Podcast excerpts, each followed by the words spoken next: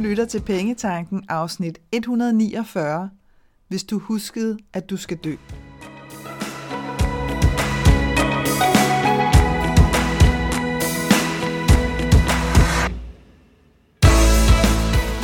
Velkommen til Pengetanken. Jeg hedder Karina Svensen. Jeg fokuserer på hverdagsøkonomi med et livsfokus. Når du forstår dine følelser for dine penge og dine tankemønstre omkring din økonomi, så har du direkte adgang til det liv, som du ønsker at leve. Lad os komme i gang. Jeg kan mærke, at jeg næsten har brug for at komme med en disclaimer om, at titlen lyder mere dramatisk, end den er, men det ville faktisk være løgn. Fordi udfordringen er, at vi i virkeligheden er røvdårlige til at forholde os til det eneste 100% sikre her i livet, og det er, at vi skal dø en dag. Dagens afsnit her udspringer egentlig af en live-session, som jeg holdt i min medlemsklub Dare to Dream Club for et par uger siden, hvor jeg talte om, hvordan at vores egne tanker om vores arbejdsidentitet og vores mening om andres formodede holdning til din arbejdsidentitet virkelig kan lave ballade. Både i din økonomi, men også i dit liv generelt. For hvis du huskede, at du skal dø, så vil der være ufattelig mange ting, som du øjeblikkeligt vil stå op med at bekymre dig om. Også i din økonomi. Og det er præcis det, som jeg vil tale med dig om i dagens afsnit. Når vi ser opslag om folks nærmeste, der er døde meget pludseligt eller alt for tidligt, så bliver de fleste af os jo rørt. Og sådan i et kort øjeblik, så bliver vi mindet om livets skrøbelighed, og vi føler, vi føler trang til at skrive til hinanden og dele det med hinanden. Og det samme kan ske, hvis du selv har fået en alvorlig sygdom, eller er tæt på folk, som går igennem et alvorligt sygdomsforløb, hvor at uvidsheden bliver sådan en daglig medspiller. Øh, og så er det bare som om, at vi glemmer det igen, at vi skal dø. Og her der mener jeg det ikke på en måde, at vi sådan skal gå og frygte hver dag, at uh, hvad nu hvis det er i dag, vi skal dø. Det er slet ikke det, jeg tænker på. Men denne her vidshed om, at at vi kan sidde fast, og at vi virkelig kan spille vores liv på fuldstændig ligegyldige ting og tanker. Det er det, jeg gerne vil have fat i. Øhm, og, og det her med, at vi sådan pludselig glemmer det igen, det betyder jo også, at, at så begynder bekymringerne også at snige sig tilbage i hverdagen. Øh, og vi holder os ligesom os selv fast i vores historie om, hvordan vores liv burde se ud, og ikke mindst, hvad andre tænker om det. Så i dag, der tænker jeg, at jeg simpelthen hiver tæppet til side og taler om, hvordan er vores idéer om, hvordan vores arbejdsliv skal se ud for sådan at være rigtigt, eller i hvert fald som minimum ikke være helt forkert. Det er altså på tide at få set på, og, og sådan være helt ærlig omkring. Så jeg kommer til at tage udgangspunkt i nogle forskellige sådan, arbejdsidentitetssituationer her igennem, øh, igennem afsnittet, så hæng i, fordi der er med garanti en af dem, som, øh, som kommer til at sige dig noget. Lad os øh, starte med det udgangspunkt, hvis du er selvstændig, fordi her der huserer virkelig, virkelig mange historier øh, og tanker og idéer og fordomme og blokeringer omkring, hvordan man er rigtig selvstændig. Og, og det, der er så interessant, det er, at jeg, jeg talte med min, øh, med min business mentor om det på et tidspunkt, hvor at hun siger, at der er simpelthen sket, altså der er sket et skifte, og vi sad sådan og talte om, hvornår, og kunne ikke rigtig definere det sådan helt nøjagtigt, hvor hun siger, der, er, altså der var simpelthen en gang, øh, også da hun startede, hvor at, øh, at det var fuldstændig almindeligt og normalt, at en, sens, at en selvstændig havde flere indtægtsstrømme fra flere forskellige jobs. Også jobs, hvor du sådan får en ansættelseskontrakt, og, og dermed vil kalde dig lønmodtager. Altså det var helt normalt. Øhm, og det var ikke nødvendigvis noget, der var meningen, at det skulle være midlertidigt. Det kunne sagtens være sådan, det var, fordi det, det var den måde, som, som den person havde lyst til at leve på. Og i dag er det bare som om, at jamen, det er cool nok, hvis du har en eller anden form for arbejde ved siden af, men, men det skal helst være noget, som du selv betragter som midlertidigt. Fordi ellers så, så er du ikke sådan all in på at være selvstændig, så mener du det ikke sådan rigtigt, det som du også har lyst til at lave i dit eget firma. Og der bliver jeg simpelthen nødt til at sige, hold nu kæft en gang bullshit, vi har fået øh, smadret os selv ind i der. Altså smurt os selv ind i. Fordi hvor er det dog noget fis? Nu kan jeg kun tale for mig selv i den her situation, men for mig, der handler det faktisk rigtig tit om, at der er nogle forskellige ting, jeg har lyst til at lave. Og når jeg er selvstændig, så giver det mig bare en større frihed til, at, at jeg kan gøre nogle forskellige ting. Men det betyder da bestemt ikke, at jeg ikke også kan have en ansættelseskontrakt i et eller andet firma. Det kommer an på, hvad præmissen er. Øh, og vi har også en idé om, at eller det havde jeg i hvert fald en idé om, at det her med at være ansat, så ville det ligge på slag på al min tid og så videre. Men mere om det senere. Nu var jeg lige ved at stikke af her i en retning, men, men jeg har virkelig lyst til at sætte sådan en meget tyk streg under, at, at hvis du har øh, flere forskellige, måske ovenikøbet jobs ved siden af din egen forretning, så betyder det på ingen måde, at du ikke tager din egen forretning alvorligt som selvstændig. Altså, som på ingen måde. Og hvis vi nu bare lige kigger tilbage, vi skal jo altså kun lige nogle år tilbage, så skete der noget ret interessant, synes jeg, fordi corona gav ligesom de selvstændige sådan en pause øh, fra de her vanvidstanker. Fordi her der var det jo som om, der kunne alle jo godt forstå, at når jamen, selvfølgelig er dem, der er selvstændige, som, som øh, ikke kan tjene penge på deres forretning, det kunne være, at de var foredragsholdere, eller hvad det nu end måtte være, som gør, at nu kan vi altså ikke komme ud, jamen så var det selvfølgelig helt ok, at de var nødt til at finde nye måder at tjene penge på. Og så var det jo helt ok, at de var poder, eller stod i butik, eller hjalp til på andre måder for de forretninger eller firmaer, som nu kunne holde åben. Det var jo selvfølgelig helt vildt cool. Altså det var alle bare sådan, thumbs up, super sejt, sådan er det. Og der har jeg bare lyst til lige at stoppe op en gang og sige, men hvad så med i dag? Altså gælder den der, selvfølgelig, det er der super cool holdning. Gælder den så stadigvæk, eller har vi allerede sådan lidt glemt det igen? Og jeg vil sige for mit eget vedkommende, i guder jeg har skulle igennem et shitload af min egen fordomme de sidste 3-4 år. Altså hold nu fest. Øhm, for eksempel så havde jeg en idé om, og den har jeg altså haft ufattelig længe, og den har fyldt rigtig meget, at hvis jeg skulle påtage mig nogle opgaver sådan uden for, for mit eget sådan firmaregi, så skulle det kunne faktureres via mit firma. Og jeg skal sådan lige sige, at jeg har et, øh, et APS, øh, så det er selskabsform, og Der er nogle fordele, 100% nogle fordele ved at kunne lave en faktura på det arbejde, man udfører. Men det er altså på ingen måde den dealbreaker, som jeg havde fået gjort det til. Og jeg havde virkelig fået gjort det til en dealbreaker. Altså det var virkelig sådan Nå, men det, så sætter det jo også virkelig øh, grænser for, hvad vil jeg så kunne lave? Altså, fordi det er jo bestemt ikke alle steder, man kan fakturere. Sådan, altså, oh my god. Øhm, og, og jeg havde virkelig fået den her idé om, at hvis ikke det kunne ske via faktura, så skulle det ikke være. Og det låste mig jo fast. Altså, det låste mig jo fast i, at det var sådan her, det skulle være. Og samtidig, så begyndte jeg altså at få, øh, og det er her for ganske nylig, for jeg har virkelig battlet med, med denne her sådan idé, når det har været op og vende hos mig, var sådan at tænke, hmm, du ved, skal jeg ligesom tage noget ind på, øh, på en anden konto her? Så har det hele tiden været det der, ja, det skal altså være på faktura, og så har det ligesom sådan ligget og vævet lidt. Øh, og når jeg så kigger på min forretning, så kan jeg godt se, at jeg har lyst til at bygge den op øh, på en bestemt måde, som giver rigtig god mening for mig.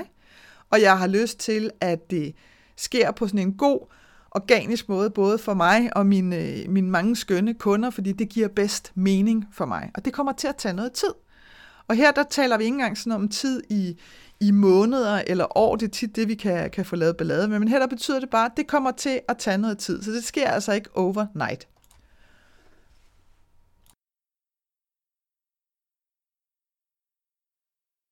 er så for øvrigt aldrig overnight, har jeg lige lyst til at indskyde, selvom at det kan se sådan ud for mange når det er, man kigger udefra. Også hvis du hører de her historier om, ah, det tog mig et år, du ved, så har jeg omsat for XY. Og det er jo super cool, det er bare ikke sikkert, det er sådan, det er for dig. Det er i hvert fald ikke sådan, som jeg har lyst til at gøre det. Jeg har ikke, det er en måde, jeg ikke har lyst til at gøre det på. Øhm, og fordi jeg jo så var fastlåst i den her idé om, hvordan at det skulle ske, så kunne jeg ligesom ikke rigtig rykke videre ud for det. Øhm, og det jeg fandt ud af, altså, og det er det her med, når en tanke bare kommer forbi, og det gjorde den virkelig stille og roligt en dag. Det jeg fandt ud af, at jeg i virkeligheden havde forsøgt at undgå at se i øjnene, det var netop det her med, at tingene kommer til at tage længere tid. Og jeg kan ikke engang sige, at det kommer til at tage længere tid, end jeg havde regnet med. For jeg havde ikke sådan sat en eller anden dato for noget, jeg havde regnet med. Men jeg kunne bare se, at det går rigtig godt, øh, og jeg er super glad for den måde, som min forretning udvikler sig på. Øh, og det kan jeg rigtig, jeg kan rigtig godt lide den form. Øh, og der kan jeg godt se, at det kommer simpelthen til at tage noget tid. Det var faktisk det, som jeg ikke rigtig helt vil forholde mig til, fordi det betød også, at at jeg skulle ud og finde nogle flere indtægtsstrømme. Og så var det jo, jeg lå og rode rundt i den her ballade med, at det altså skulle ske på fakturer. Det er jo de skørste ting, man kan få sagt til sig selv, kan du godt høre. Ikke? Så, øhm, så det her med ligesom at, at få låst mig selv fast i den, det, det lavede bare meget, meget større ballade. Og så begyndte jeg sådan at sidde og tænke, hmm, du ved, så slog jeg sådan ind på den her, jeg sådan har lyst til at kalde gamle vante vej, fordi jeg har lavet rigtig, rigtig mange forskellige ting øh, ved siden af min forretning igennem tiderne og årene. Så jeg tænkte sådan, nå okay, men hvordan kunne jeg så gøre det på en måde? Fordi det, der altid lidt har lavet ballade for mig, det har været det her med, at, at så har det kunne komme til at nærmest sluge alt min tid. Og det var jeg jo heller ikke interesseret i. Jeg var også interesseret i at have ordentlig tid til at kan blive ved med at udvikle min forretning. Så jeg gik i den her sådan vante mode og gik ned af den her tankestrøm med, Nå, hvad har jeg lavet tidligere? Så kunne det være noget rengøring. Så kunne det være tjener, det er faktisk meget sjovt. Du ved, at det, det kunne også være noget butik, hvad skulle det være? Øhm, og netop hele tiden den her med, hmm, du ved, hvordan kunne jeg gøre det på en måde, sådan så at det ikke slugte alt min tid og alt min energi. Og der var der simpelthen en, øh, en veninde, jeg havde en snak med, som, øh, og det her, det er for ganske nylig, og, og vi sidder sådan ligesom og snakker om, hm, hm, jamen, øh, hvad kunne det være? Og så siger hun, Gud, ved du, hvad du skal undersøge? Og jeg sidder sådan helt ude på du ved, øh, randen af stolen her og tænker, nej, hvad skal du undersøge? Hvad skal du undersøge? Og hun siger, du skal simpelthen, du skal sgu da blive handicapmedhjælper. Siger hun, fordi der kan du få, det er noget med, der er flere steder, hvor du kan få døgnvagter. Så kan du få nogle døgnvagter om måneden, og så har du al resten af tiden til at udvikle din forretning. Og der var simpelthen noget i mig der, der klikkede. Øh, og jeg har aldrig været handicaphjælper, skal jeg bare lige sige. Så det var ikke, fordi jeg sådan tænkte, hey, det er noget, jeg har gjort før. Men der var bare noget der, hvor jeg tænkte, ja, det giver del med mening. Og det gav sådan mening på flere forskellige planer. Fordi her, der kunne jeg faktisk også være med til øh, at gøre en forskel. Og det gør man også i alle mulige andre jobs. Det gør man ved Gud, også som rengøringshjælp. Jeg kan huske, at jeg havde et, et, et job på et tidspunkt i et fitnesscenter, og jeg lover dig, at alle de medlemmer og ejerne var tæske tisseglade for det, fordi jeg var mega god til det. Og jeg har også prøvet det som tjener, hvor kunderne er super glade. Øh, du ved, og, og hvad hedder sådan noget, drikkepenge, og alle var glade at stå i butik, hvor at, at flere kunder bare sagde, prøv at du er den bedste, du ved, til at stå i den her butik og sådan noget. Så det er slet ikke fordi, at, at vi kan gøre en kæmpe stor forskel i alle jobs. Det kan vi faktisk, hvis vi bliver opmærksom på det. Men jeg kunne bare mærke, at det her, det var sådan et, for mig var det sådan lige et niveau op i forhold til, at jeg kunne gøre en forskel på et andet plan, end jeg måske i virkeligheden, nu jeg sidder og tænker over det, bortset fra det øh, meget stærke bånd, som jeg føler til, til, til min forretning Kend Dine Penge, hvor at jeg ved, at jeg gør en kæmpe forskel for folk i forhold til deres øh, mindset og sådan helt lavpraktisk med deres økonomi og deres penge. Så, øh, så var det her faktisk på niveau, altså det her med at blive handicaphjælper.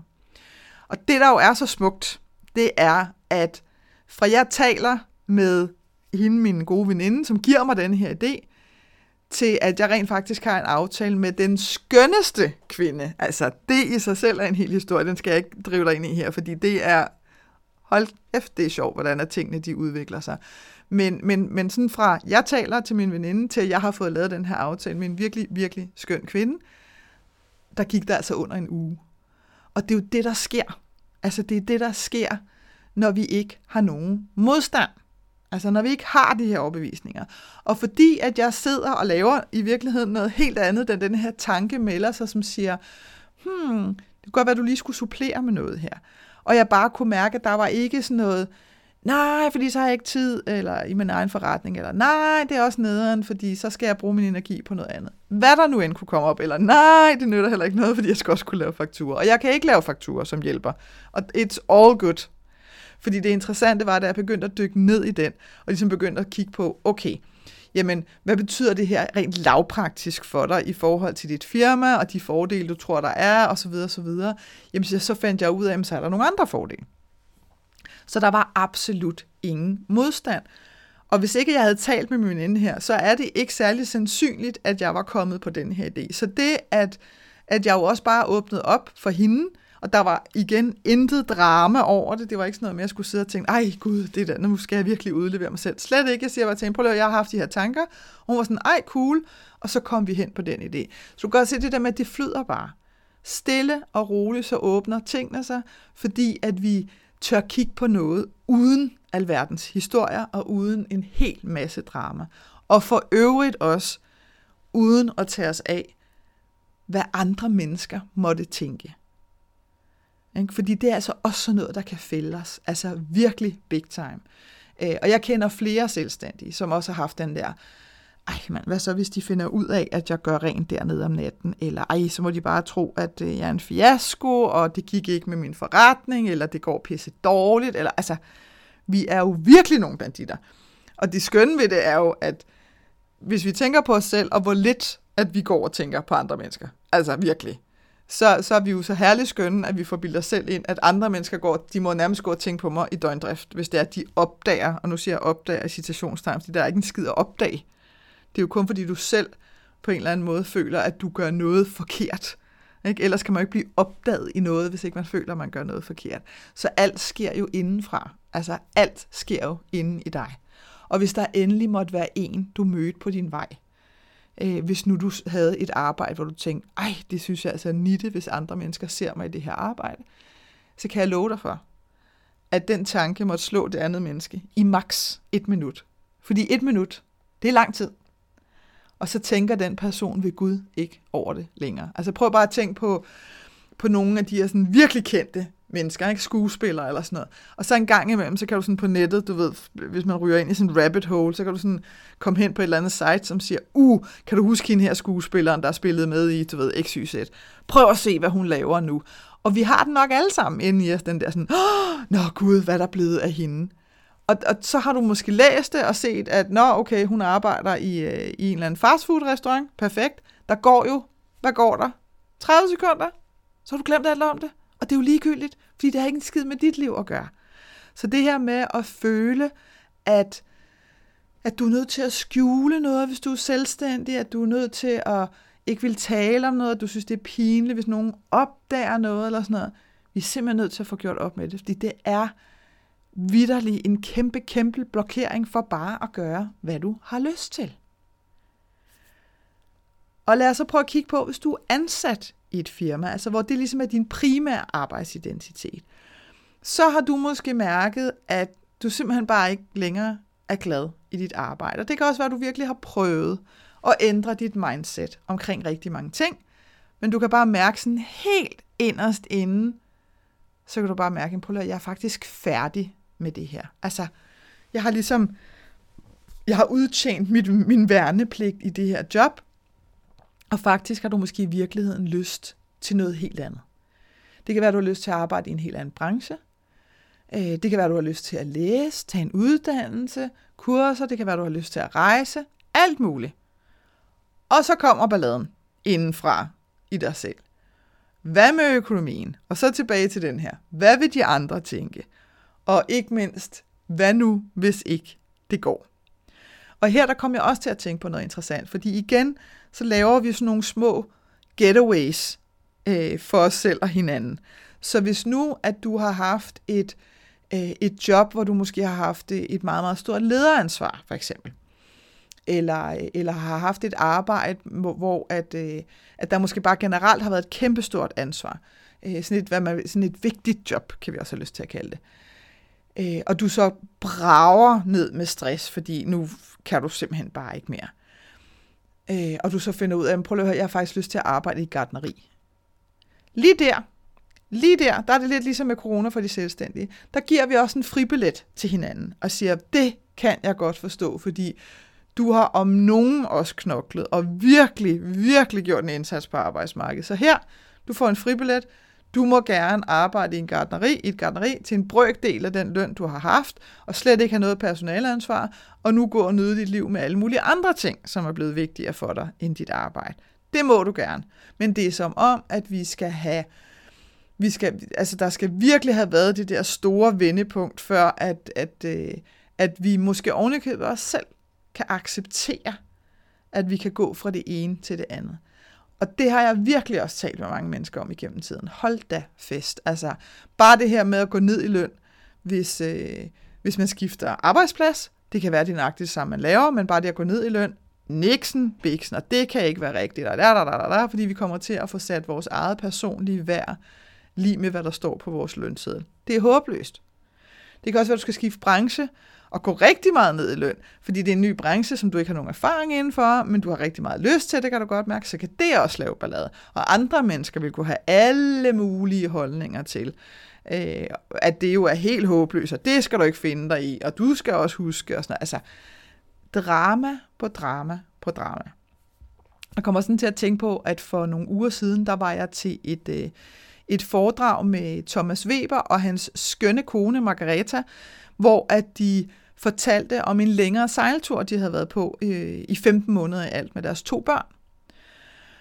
Øh, og noget af det, som de sådan, øh, fortæller om, ud over den her skønne tur, kan varmt anbefales, hvis det er, at du øh, støder på dem et sted, så, så er det et super godt foredrag, og, øh, og virkelig øh, sådan skønt øh, engagerende måde, som, øh, som de holder det på. Så øh, mine varmeste anbefalinger her. Men det, de blandt andet også fortæller, det er, at, øh, at de havde fremlejet deres hus og sagt deres jobs op, fordi nu skulle de ud på den her øh, 15 måneders sejltur. Øh, og Thomas var super herligt ærlig omkring, at i slutningen af sejlturen, da de ligesom begynder at vende snuden hjem, og der ikke er så lang tid til de kommer hjem, der begynder de sådan så småt at bekymre sig lidt om, jamen, hvordan, kommer det til, hvordan skal det gå, du ved, med økonomien, når nu de kommer tilbage, for de har jo ikke noget arbejde. Øhm, og han fortæller, at, at de begynder, da de kommer hjem, så begynder de bare sådan stille og roligt at tage nogle forskellige vikarjobs. Du ved, lige sådan for at lande og lige komme i gang og få, få tjent lidt penge, stille og roligt. Og som man siger, på med tiden, skridt for skridt, så begynder tingene at hænge sammen igen. Og det er præcis det, der sker. Hvis det er, at vi kan give slip på, at tingene skal se ud på en bestemt måde, eller være nogle bestemte jobs til en bestemt løn. Men at vi i stedet for netop tør give slip, og så bare gribe ud efter noget nyt, uden alle de her forbasket mange fordomme. Ikke? Fordi der åbner sig altid muligheder, hvis vi tør at give slip på de der væld af historier. Og det, der er interessant her også, det er jo, hvis man nu tager for eksempel Thomas' øh, udgangspunkt her med hans kone, det er jo, der kan vi også sådan have lyst til at give en fribillet, fordi, ej, jamen, det er jo også vildt, for de har jo været på eventyr. Så må man godt komme hjem og, du ved, have vikarjobs. Og jeg aner ikke, vil lave deres vikarjobs, men så kan vi have en holdning til, så må man gerne have lagerarbejde, og så må man gerne lave rengøring og alt sådan noget. Og det her, det er ikke for på nogen som helst måde at tale dårligt om nogen som helst jobs, fordi alle jobs er vidderligt skidevigtige. Så, så det er også noget fis, den der trang, vi kan have til at arrangere tingene. Men vi har ikke lige så mange fordomme omkring det, hvis vi kunne have lyst til at have fordomme. Men der kommer ligesom ikke rigtig sammen op, fordi de har jo været på eventyr. Du kan godt se, det er som om, der er sådan nogle steder, hvor vi kan udstikke sådan nogle fribilletter, hvor vi sådan synes, at lige her er det ok, men for mig er det i hvert fald ikke ok. Men? Altså det er jo tit den, når vi så peger ind imod os selv, så er det ikke godt nok. Og lad os så tage udgangspunkt i, hvis du er arbejdsløs, Måske så har du tidligere selv haft nogle tanker om folk, der har været arbejdsløse. Hvis de har været arbejdsløse længe, eller hvis de har sagt, at det der job vil jeg ikke have, det der job vil jeg ikke have, der er kun nogle bestemte jobs, jeg vil have. Måske har du så haft nogle tanker om folk i de situationer. Og måske er du lige nu i en situation, hvor du selv er arbejdsløs. Og nu bliver du ligesom mødt både med dine egne tanker, med dine egne fordomme, men du føler måske også, at andre mennesker kigger på dig, som du måske har kigget på dem. Og måske er det også noget af det, der kommer til at spænde ben for os, når det er, at vi begynder at, at beklage os på den her, altså, du ved, det kan ikke være rigtigt, at jeg har den her lange uddannelse, jeg kan ikke finde arbejde, eller nu har jeg søgt job i en evighed, og jeg er ikke engang kommet til samtale. Men at der ligesom ikke er noget i os, der begynder at sige, okay, det er, jo, det er jo overhovedet ikke det, det handler om. Altså fordi du har en lang uddannelse, så er jo ikke, der er ikke sådan en overordnet straf i, at du så ikke kan finde et job lige nu, hvor at du tilfældigvis kan bruge hele din lange uddannelse. Altså sådan hænger tingene jo ikke sammen. Altså, det er jo ikke... Der, jeg tror simpelthen ikke på, at der er sådan en overordnet magt, som så sidder og tænker, nej, det skal vi lige sørge for, at du ikke kan få. Det er bare sådan, det er lige nu. Altså, sådan er det. Og hvis du bliver ved med at søge jobs, og ikke kommer til samtale, jamen så kan det være, at du skal prøve nogle andre måder, end bare at sende ansøgninger. Og jeg ved godt, det er den vante måde at gøre det på, men så må man ligesom, så må man skulle træde ud og ved siden af. Og jeg synes egentlig, at jeg støder på nogle ret herlige mennesker på LinkedIn for eksempel, som ligesom sagde, prøv lige at høre, jeg har søgt et shitload af jobs, der skete ikke en skid, så nu valgte jeg altså at prøve at gøre sådan her. Og så har de ligesom taget nogle alternative veje. Øh, og stille og roligt, så har de taget skridt for skridt, og så er der ligesom begyndt at ske noget. Og det kan også godt være, at du sidder og tænker, ej, prøv at høre, det er, altså, det er i hvert fald opslag, jeg har set, og jeg har set dem flere gange, hvor at jeg er akademiker, eller jeg er faglært, no way, om jeg kommer til at tage et ufaglært job. Og jeg personligt er jo fløjtende ligeglad med, hvad du gør, fordi det er dit liv, men, men, men underliggende tit, så føler jeg, og det er min holdning, at der ligger sådan en eller anden følelse af ydmygelse i, hvis jeg var nødt til at tage det her arbejde til denne her løn. Og det er jo heller ikke engang det, det handler om. Altså, øhm, men vi kommer til ubevidst at gøre os selv til ofre, hvis det er, at vi tror, at verden burde se ud på en anden måde. Der burde være arbejde til mig med den her uddannelse. Det burde ikke være nødvendigt at tage et job til den her løn. Øhm, så får vi altså spændt ben for os selv. Og jeg tror altså også der, at der ligger elementer igen af, hvad vil andre dog tænke? Altså hvis du har taget en lang uddannelse, hvad vil andre så tænke, hvis de stødte på mig nede i bageren, bag disken? Altså, øhm, fordi vi har altså stadigvæk, og så kan det godt være, at vi synes, at vi er sådan enormt frigjorte, men hold da fest, hvor har vi stadigvæk mange holdninger til hierarkier, og til, øhm, hvordan at vores liv burde se ud, afhængig af, hvad det er, vi sådan ligesom har med i bagagen, også på den uddannelsesmæssige front. Altså, lad os nu bare være helt ærlige. Der er masser af holdninger og fordommer til det. Stadigvæk. Og lad os så bare tage et kig på, hvis du er førtidspensionist, jamen så har du måske også selv tidligere haft tanker om folk, der er på førtidspension. Du ved, kan de virkelig passe, at de kan klare et job, og han eller hun ser der ikke ud til at have det så skidt, eller hvad man nu kan være kommet til at tænke. Og måske så sidder du nu selv som førtidspensionist og mærker, at du virkelig kæmper med din egen følelse af at have værdi. Altså det her med, at hvis ikke at jeg kan være ude på arbejdsmarkedet, som mange af de andre er, så har jeg måske i virkeligheden ikke øh, nogen værdi. Og når jeg siger det sådan, kan du, kan du se, hvor fucked up det er. Og, og jeg siger ikke, at der er noget galt med de mennesker, der føler sådan. Det, jeg synes, der er fucked up, det er, at vi overhovedet er der, hvor at vi kan igen sætte vores egen menneskelige værdi lige med, om vi får en lønseddel eller ej. Øhm, og også, at vi kan tænke det om andre. Og, og det er ikke for at slå nogen oven i hovedet. Det her det handler ikke om at skyld, og du skulle skamme dig, eller noget som helst. Men det handler bare om, lad os, lad os lige prøve at kigge på det. Altså, lad os lige prøve at også fange os selv i. Og prøv lige at høre, jeg er ved Gud intet golden child. Jeg har masser af tanker, der fiser ind og ud af mit hoved, og de er langt fra rationelle i en meget, meget stor del af tiden, hvis nu jeg skal være helt ærlig. Øhm, og det kan virkelig være interessant. Og du ved, sådan nærmest betragte dem udefra og tænke, hold da op, ja, det, nå, det skal der lige lov for, at du lige havde en, en holdning til det. Øh, du kender det også ud i trafikken, sikkert. Ikke? Altså det her med, hvad fanden sker der, mand? Ikke? Ja, vi er på vej ud på motorvejen, når du ligger og kører 70. Du sidder sikkert og taler i telefon eller roder med et eller andet. Altså, vi får historier lynhurtigt. Så hvis du sidder som førtidspensionist og har den her følelse af, at jamen, jeg har ikke nogen værdi, eller hvis du er langtidssyg med, eller hvis du er pensionist og egentlig sidder og tænker, hvad fanden skulle jeg ud af det arbejdsmarked fra, jeg, jeg drøn keder mig, hvad det nu end kan være, jamen så bare vid, virkelig, virkelig vid og mind dig selv om, dagligt tak, at du har al værdi, bare fordi du er et menneske. Der er ikke en skid at gøre med, om du er ude på et traditionelt arbejdsmarked eller ej, men jeg ved godt, at det er sådan. Vi har en tendens til både at dømme os selv, men også at bedømme andre. Og det kan også være, at du har mærket andres undren over, jamen, hvor, du må der nå en hel masse, fordi du har jo hele dagen til rådighed, hvis du er førtidspensionist. Det er også en klassiker. Ikke? Men, men der skal vi bare lige huske på, altså, der er det jo, hvis, hvis man sidder og ikke selv er førtidspensionist, der har den holdning, så er det jo naivt, fordi så har du simpelthen ikke forstået, hvad der ligger bag at være førtidspensionist. Vel? Øh, fordi det er ikke bare noget, man, man får ikke bare førtidspension. Altså, øh, det er folk, som har nogle udfordringer, som gør, at, øh, at, de, at, at de har brug for at have mere ro i deres liv. Og i virkeligheden tror jeg sgu nogle gange, at det er en velsignelse, ærligt.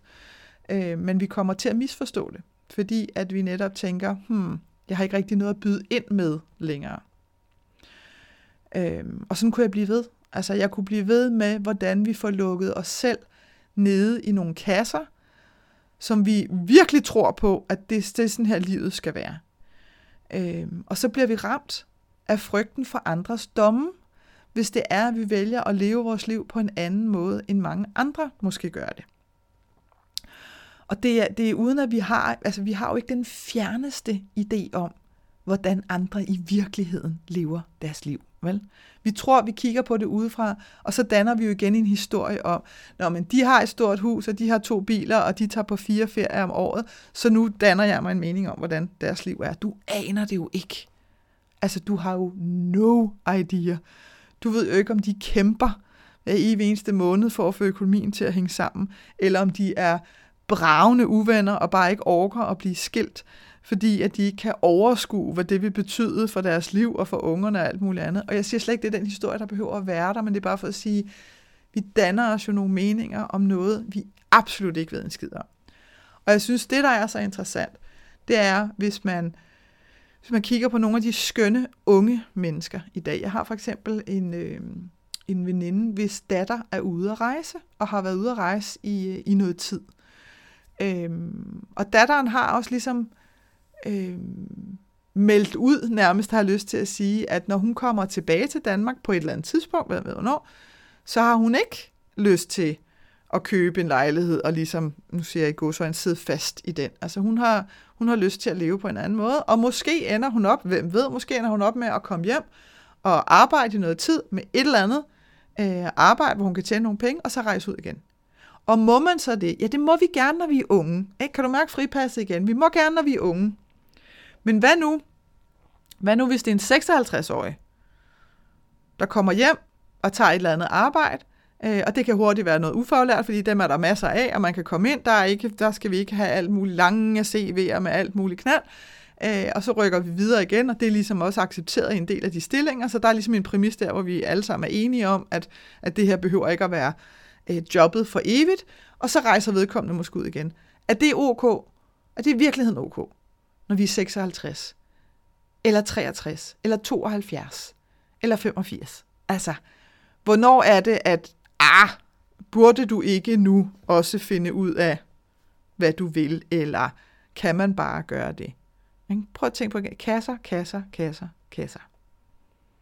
Og hvis vi så lige minder os selv her, lige igen om titlen, hvis du huskede, at du skal dø, kan du så se, hvor absurd det i virkeligheden er.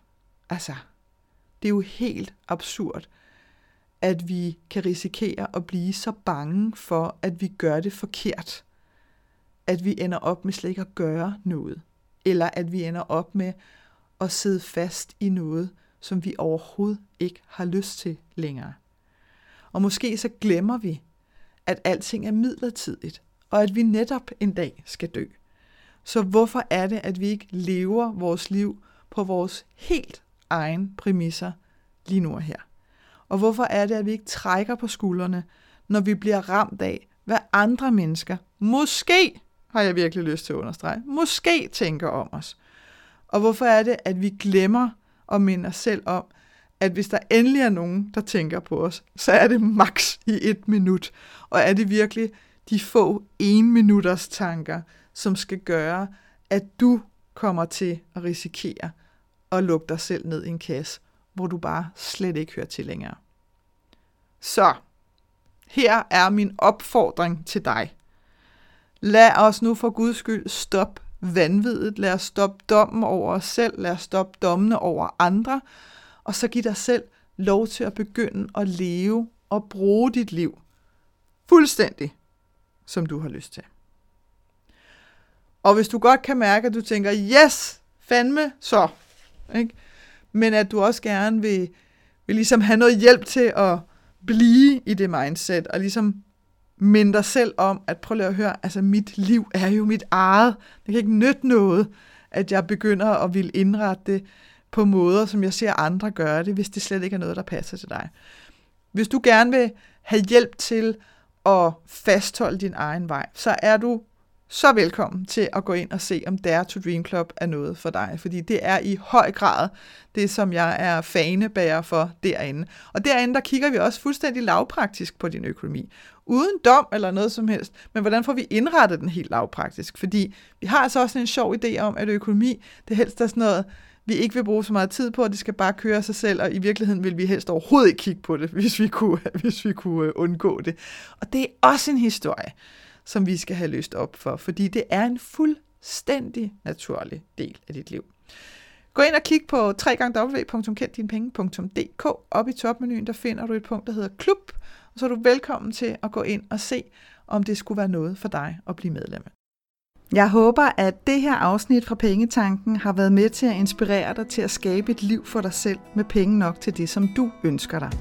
Og hvis du tænker, at nu skal der ske noget, så gå ind på min hjemmeside www.kenddinepenge.dk og se, hvad dit næste skridt skal være. Vi høres ved.